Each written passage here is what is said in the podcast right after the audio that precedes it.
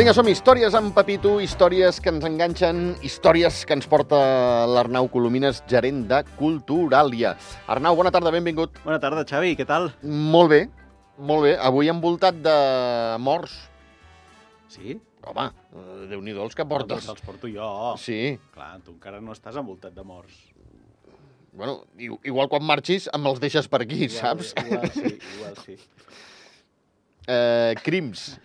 Exacte, avui La sèrie, de crims, la sèrie va. Crims, vaja, la sèrie de llibres Crims. Sí, però parlarem una miqueta més que, que no pas de llibres, eh? Parlarem del fenomen crims, Mm, que ho és. utilitzem una miqueta l'excusa de, de parlar d'això, que ja fa dies que, que te'n volia parlar, però ho hem fet coincidir una miqueta en que la setmana que ve ve en Carles Porta precisament doncs, a, explicar una miqueta el fenomen crims aquí a Andorra, amb una Mhm. xerrada eh, que s'ha organitzat des de la- l'Associació de Professionals de Comunicació que hi ha aquí al país i que el dia 7, si no m'equivoco, a les 7 de la tarda eh, el podrem veure aquí Sí, senyor. a Andorra la Vella, amb la qual cosa, doncs, escolta'm, ja que ve en Carles Porta, que s'ha convertit en un fenomen, doncs parlem del fenomen que ell ha creat, que és això del, del crims. Val.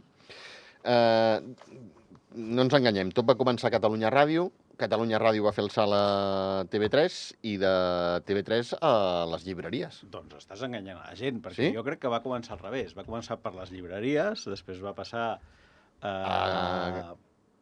Et diria que va passar a, a un podcast en castellà, que això no, és veritat, no se el sap, podcast en eh, castellà és veritat. Bastant. És veritat. I, I després va començar tot el show de Catalunya Ràdio i de TV3. Però expliquem una miqueta la cronologia abans d'entrar en aquests llibres. Això sí, eh, jo t'he portat els tres llibres de crims, Sí? vale? eh, és una mica raro perquè els llibres aquests fins i tot van canviant de nom. Uh, el primer que va treure, que es titulava Crims, Sí. però ara, si el busques, es titula Crims, tot el que llegireu en aquest llibre és real. Ah, exacte, sí. Vale? Uh, jo tinc la vuitena edició i això està editat fa la tira. Per tant, eh, no tinc les xifres, però estic seguríssim que n'han vengut moltíssims. Aquest és del maig del 21, Uh mm. vale? vuitena edició. Estic segur que ja ha passat les 10 o les 12 eh, tranquil·lament, perquè, com dèiem, s'ha convertit en un fenomen. Sí, sí, i tant, i tant. Uh, per uh, Sant Jordi va sortir la segona part, que és Crims, llum a la foscor Sí. vale? i eh, recentment ha sortit La noia de Portbou. Vale? Després els, els eh, veurem tots, vale? però parlem una miqueta, com dèiem, de, de com arribem fins aquí, fins al fet de que Crims s'ha convertit en, en la passió de molta de la gent Sí. eh, que segueix eh, ràdio, que segueix televisió, que segueix podcast, o que no seguia res, però, però Crims eh, Ho li segueix. encanta. Eh? Sí, sí, a més sí. a més, és, ha, ha. és una cosa que és transgeneracional, eh, d'alguna manera. O sigui, xavalets de, de 15-16 anys estan enganxadíssim a crims quan no, han- no, han- no han enxufat una ràdio en sa vida, no? o no han mirat una tele convencional Uh -huh. eh, en sa vida. I, en canvi, crims els ha enganxat eh, d'allò més. Com arribem fins aquí? Doncs eh, en Carles Porta eh, es va fer conegut l'any 2005, especialment aquí a casa nostra Val. perquè la seva carrera com a... Li podríem dir detectiu, no? Potser, una miqueta. Eh, una miqueta ho és, sí, sí. Fas una mica investigar, sí. eh, de fet. Eh, comença aquí al costat, a sí, Tor. sí. Eh? Eh, aquell 13 cases i no sé quants morts. Sí, eh, bueno, ara mateix t'ho dic, ara mateix t'ho dic. Eh, eh, En ara, cas, ara mateix t'ho dic. 13 cases segur que eren. 13 cases segur que eren. I, I en Carles Porta va estar investigant per escriure un llibre que, que va editar l'any 2005 i que ja es va convertir en aquell moment en un èxit de vendes, eh? explicant una miqueta doncs, els diferents escenaris que s'han anat eh, eh, evolucionant al llarg de la història al poble de Tor, que és el poble que queda, per entendre'ns, just a sota pal, Sí. mm, per la banda eh, catalana. Eh? Tres crims, dius? 13 cases i 3 morts. Tres morts. 3. Molt bé. Doncs eh, aquest poble, com que un dels propietaris dels terrenys tenia l'obsessió de fer-lo créixer eh, Mhm. cap a Andorra amb unes pistes d'esquí que connectessin precisament amb, amb la zona del coll de la botella de Pal, eh, doncs quan en Carles Porta gratava, gratava també per aquí a Andorra per conèixer a veure què, què se'n sabia. Eh? I, i, I conec de primera mà gent que, que els van a veure al despatx per preguntar-los, escolta'm, aquesta ampliació cap a Andorra, eh, explica'm tot el que en sàpigues. Uh Mhm. -huh. eh? I això era doncs, abans del 2005. Va treure aquest llibre, que va ser un fenomen literari, 50.000 llibres venguts del Tor. Fa poc eh, l'han reeditat, Sí. quan tot el fenomen Crims doncs, va començar eh, Han aprofitat a la funcionar, tirada. doncs, Sí, sí. evidentment, aquí l'editor va dir, escolta'm, calla, Calla, que sí. sí. allò, que ja ho tenim no pagat, sinó amortitzadíssim, Correcte. doncs encara podem fer algun calaró nou. Sí, senyor. Sí, senyor. Estic I, segur i que l'estan sí, fent. així, I així ha l'estan fent. sens dubte, sens dubte, sí, sí. Això va ser l'any, eh, com et dic, 2005. En aquell moment, en Carles Porta ja portava eh, uns quants anys treballant a TV3, eh? però no s'havia especialitzat en aquest tipus de gènere. Eh? Mhm. De fet, ell ha sigut corresponsal de guerra en diferents països. Sí. Eh, suposo que això ho explicarà a la, a la xerrada que vindrà a fer la setmana que ve.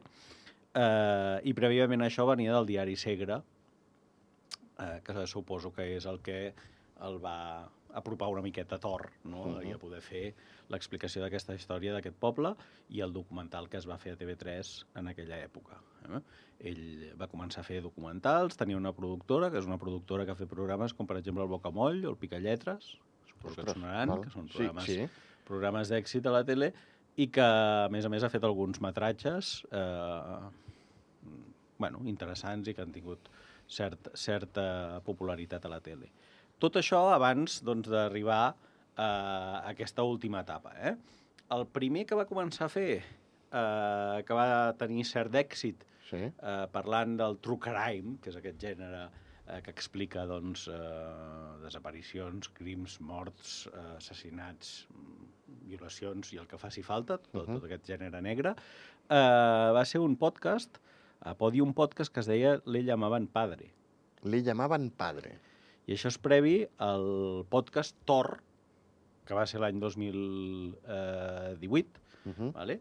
eh, un podcast que va aconseguir eh, 288.000 reproduccions en tan sols dos mesos. Coroi. Coroi. Vale? Això eh, ara és molt, el 2018... Eh, Eh, una bestiesa. era L'hòstia en patinet, Sí, eh, per sí, entendre'ns. sí, sí, sí, sí. I poc després va treure el Segrest, eh, que era aquell podcast, una sèrie d'episodis que parlaven de la Maria Àngels Feliu, la farmacèutica d'Olot, que va ser Sí. segrestada. 490 dies o... Va ser una bestiesa, allò d'aquella dona. Molt temps, va estar segrestada molt temps, pobra dona, i a més a més amb una història... Sí, sí. Uh, 500.000 reproduccions en tan sols un mes. Mare de Déu. Una autèntica bestiesa. Ostres. Jo no, no vull dir res, eh? però si agaféssim totes les reproduccions que hi ha a tots els podcasts d'aquesta casa, trigaríem bastant a fer les 500.000 Sens que aquest dubte. senyor amb un sol podcast va fer amb, Sens amb, un, amb només un mes. Eh? O sigui, una, una autèntica bestiesa. Evidentment, són dimensions molt diferents a les que estem acostumats aquí, però escolta'm, que si hi ha 7 milions de catalans, que 500.000 s'escoltin això, és una autèntica bestiesa sí. d'audiència. Eh? Uh, això passava als inicis del Crims de Catalunya Ràdio, eh? el programa Mhm. Crims, uh, aquest True Crime, que l'any 2018 va començar a emetre's a Catalunya Ràdio, que ja porta 5 temporades i que després va passar a TV3 i a Movistar Plus. Eh? S'ha fet a TV3 sota el nom Crims Uh -huh. i sota el nom Crímenes en castellano. Uh -huh. Vale?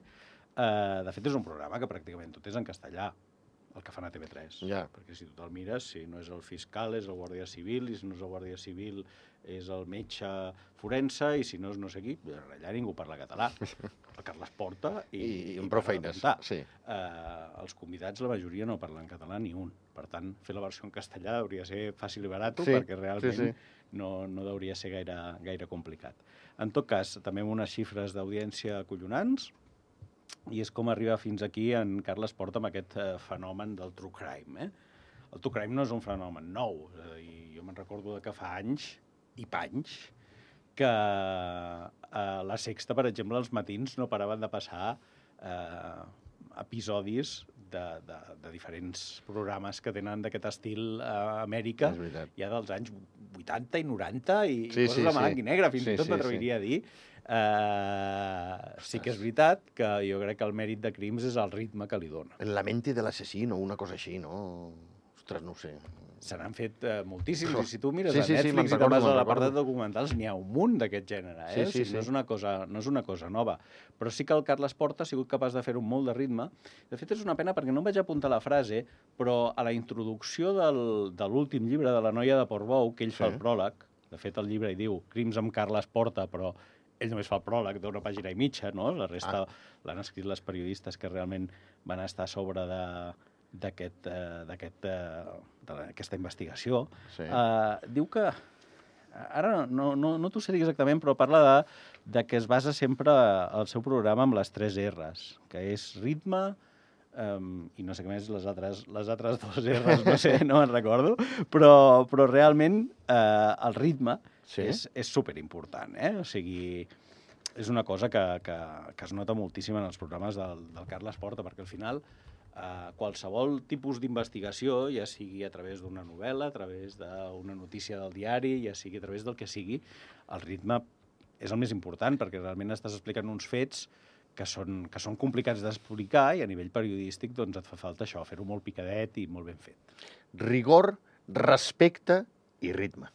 Molt bé. Les de, les tres, de les tres, evidentment, el més important és el ritme, perquè llavors, si tu hi metes una miqueta... Si li posen una miqueta, sí, més si salsa que... salsa, però al final a tots ens agrada, eh? La Sí, salsa, imagina't una calçotada sense sucar el calçot a la salsa. No, si hi ha salsa, doncs millor, no? Eh, I l'altre respecte, sí, clar, evidentment, no?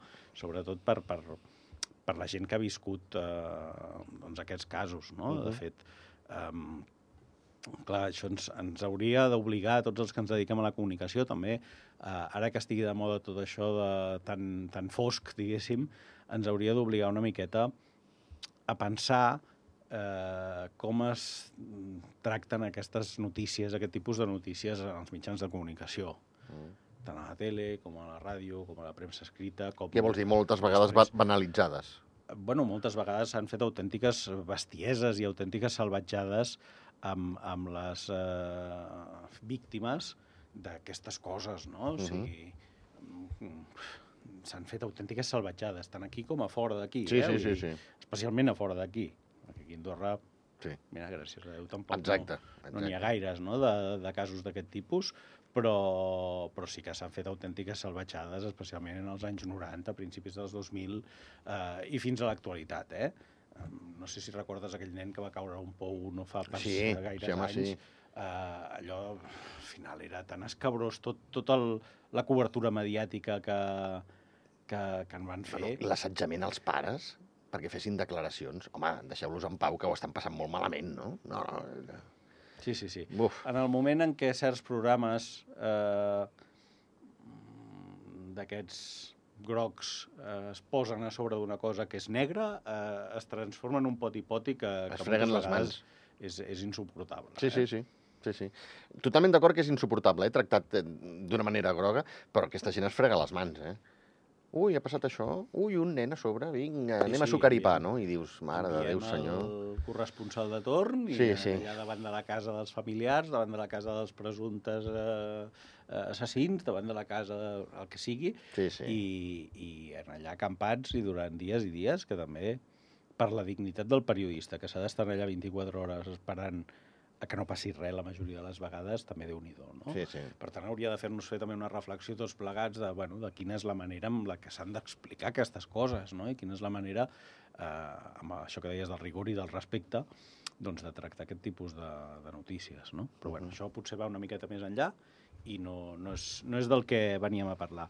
Però el que està clar és que els morts ens agraden. Sí, home. Ens agraden. Sí, sí, sí, està clar. Uh, tot el que tingui enigmes, tot el que sigui una miqueta sucós, doncs uh, nosaltres anem a sucar i pa, com Sí. deies abans. Eh? I com que ens agraden els morts, doncs el Carles Porta, d'alguna manera, doncs, uh, ha aconseguit trobar el filó i de, de que aquesta sèrie de crims funcioni i funcioni molt bé. De fet, eh, clar, podríem dir per, un, per, per algú d'Andorra el, el màxim èxit eh, professional seria que el Xavi Albert el convidi a fer una secció a becaris. Però per un català, jo crec que el màxim èxit és sortir a Polònia imitat. Sí, I el sens Carles dubte. Porta, I el Carles Porta té imitació a Polònia. Això vol dir que ja el col·loquen un dels top de, Sí, de Catalunya, no? sí, perquè sí. una cosa són els polítics que, que evidentment doncs, tenen imitació perquè tenen una sèrie de responsabilitats públiques, però escolta'm, que tingui un- tot un Carles Porta una imitació a Polònia vol dir que realment eh, és un personatge clau ara Sí, sí. mateix a Catalunya. I que és un fenomen, el que ha creat. Uh -huh. És, és, està claríssim. Ell i tot l'equip, eh? que Sí, ell sí, fa sí. molta incidència amb l'equip sempre i realment doncs, eh, és veritat que darrere d'això hi ha molta gent treballant i treballant molt bé. Mira, la noia de Portbou, de fet, l'han escrit, com tu deies, les periodistes Anna Ponsí i Marta Freixanet, Uh -huh. amb l'ajuda mm, d'un guionista també d'un programa austríac que du per títol Ungelost, que es diu Ben Morak. Exacte. L'han escrit ells, i com deies tu, I no, no, de, de... no només l'han escrit, eh, sinó que han investigat tot això. Exacte, eh? exacte, exacte, sí, sí, sí, sí. Ehm, Si et sembla, comencem parlant de La noia de Portbou, que Vinga, és, va. que és l'últim d'aquests tres llibres que t'he portat avui. Eh, ja veus que hem fet una prèvia de, de 20 minuts abans de començar a parlar dels llibres, però crec que, que s'ho val, que val la pena. Aquest llibre, La noia de Portbou, que hi ha una, hi ha una imatge mm, idíl·lica de Portbou, que es veu fins i tot eh, com bufa la tramuntana, Sí, perquè les onades sí. estan ben crispades, i a darrere en Carles Porta em posa de que guapo que sóc i que Sí. espavilat que sóc, eh, però no surten ni, ni, ni l'Anna Ponsí ni la Marta Freixanet, cosa que, eh, bueno, a mi em sap una mica de greu, eh? I Sí. fins i tot, si mires Perquè la... si tant dius d'equip, no? Mm, Ostres, dona'ls-hi... I si mira... Bueno, això jo crec que és més cosa de l'editor que no Sí, pas del segurament, Carles Porta. segurament. El Carles Porta ven, no? I si mires la solapa del llibre, doncs el Carles Porta ocupa eh, el doble que l'Anna Ponsí, la seva biografia, i, i quatre vegades més que la Marta Freixanet, pobra, eh, en aquí la solapa del llibre. I, evidentment, Ja. surt ell el primer. Però, bueno, en tot cas, Crims, eh, la noia de Portbou, és una investigació sobre aquest crim que va haver-hi, no? Aquesta Mm. noia que es van trobar eh, ja fa una colla d'anys, molts, Sí, eh, eh, 30... 30 anys eh, penjada a un pi eh, a Portbou. Eh? Amb, amb un arbre, és- pen- penjada, penjada d'una corda, Sí. eh, en un arbre i bueno, que es va donar el cas per tancat com si fos eh, Un un suïcidi. suïcidi d'aquesta noia Sí, i no es va trobar la identitat d'aquesta noia. Què és el que ha passat? Doncs que arran del programa que es va fer de crims de la noia de Portbou eh, s'ha aconseguit trobar qui és aquesta noia. Eh? S'ha contactat amb la germana, la germana va venir fins aquí, va anar a Portbou, va veure l'escena de, de, de la mort, eh, va conèixer els forenses, va conèixer els guàrdies civils que van fer la investigació, etc etc. I tot aquest periple és el que explica la noia de Portbou. Eh, és un llibre que parla d'una investigació d'un programa de tele, però està escrit d'una manera que gairebé sembla una novel·la negra Val. o la feina prèvia pot ser una novel·la negra. És a dir, aquells esborranys que deu fer un bon autor de novel·la negra Un Gómez de Jurado. eh, com ha d'anar la cosa, no? Val. Doncs això seria el guió. Val. Està molt ben fet, té ritme, però també t'he de dir que les últimes pàgines ja cansen una miqueta, que si tingués 30 menys... No passava res. No passaria res. Per Val. què? Perquè al final la notícia ja la coneixes i comença de, del final cap al principi, diguéssim, no? Fa, va enrere i, i es fa un pèl repetitiu. Val. Vale? Però això sí, es llegeix d'una manera àgil, hi ha fotos, que això sempre agrada. Carai. Hi ha fotos aquí de, de, de, de la noia com, com era, de la seva germana, de la nota que li va deixar la germana el dia que va marxar de casa. Bueno, però és que va marxar un 3 de setembre del 90 de casa i li va deixar una nota a sa germana, perquè vivien juntes, dient eh, torno aquest vespre, torno aquest vespre. I l'endemà apareix- era morta a l'altra punta d'Europa. Clar, és que dius... Mm, ostres, sí, eh, és veritat, eh, no hem dit, no hem dit que, que aquesta noia era de Florència.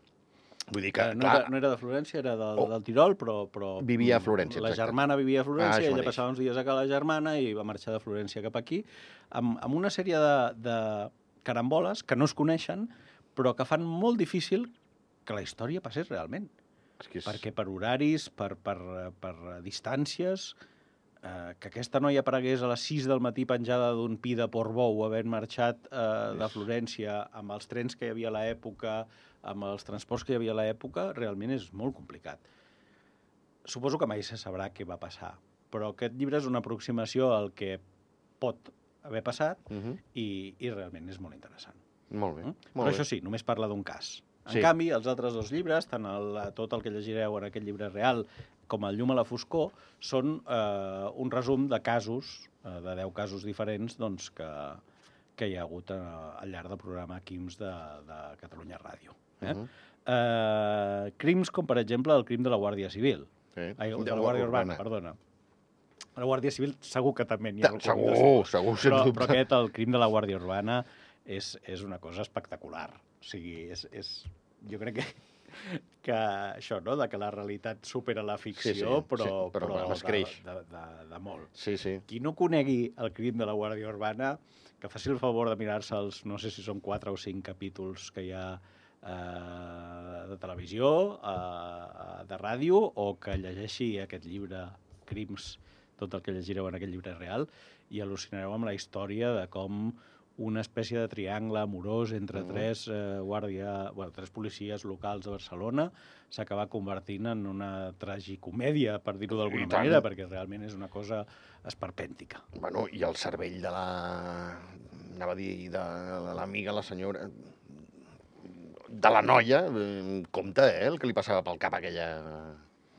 Sí, sí, és, Oh! és, és, és, de Déu. és espectacular i, i, i per aquelles casualitats de la vida tinc bastanta relació amb, amb dos persones que, que són personatges no secundaris sinó terciaris d'aquest cas, però que coneixen aquest cas molt bé. Carai. Una era dins del bufet d'advocats de la defensa d'aquesta d'aquesta noia i l'altra era qui gestionava els comptes del, del noi mort, Val. els comptes bancaris del noi mort. Carai, Arnau. I, i, i per tant els sopars entre amics són molt divertits quan surt aquest tema, no? Però t'he de dir que, que la noia que era en el seu bufet d'advocats eh, segueix mantenint que eh, el que la, la història de la noia que ara és a la presó com a, com a, Sí. com a la cervell de tot, el, Sí. de tot el cas, la seva història és versemblant i que, explicada per ella, te la creus. Bueno, poder, té un poder de... de...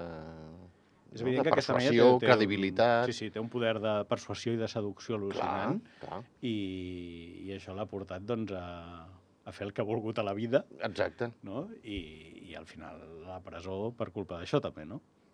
Déu-n'hi-do, déu nhi déu Home, eh, persuadir algú perquè aquest algú mati a qui tu voldries matar, eh, s'ha de tenir molta mà esquerra, eh? Sí, home. Puf, Eh, I molta...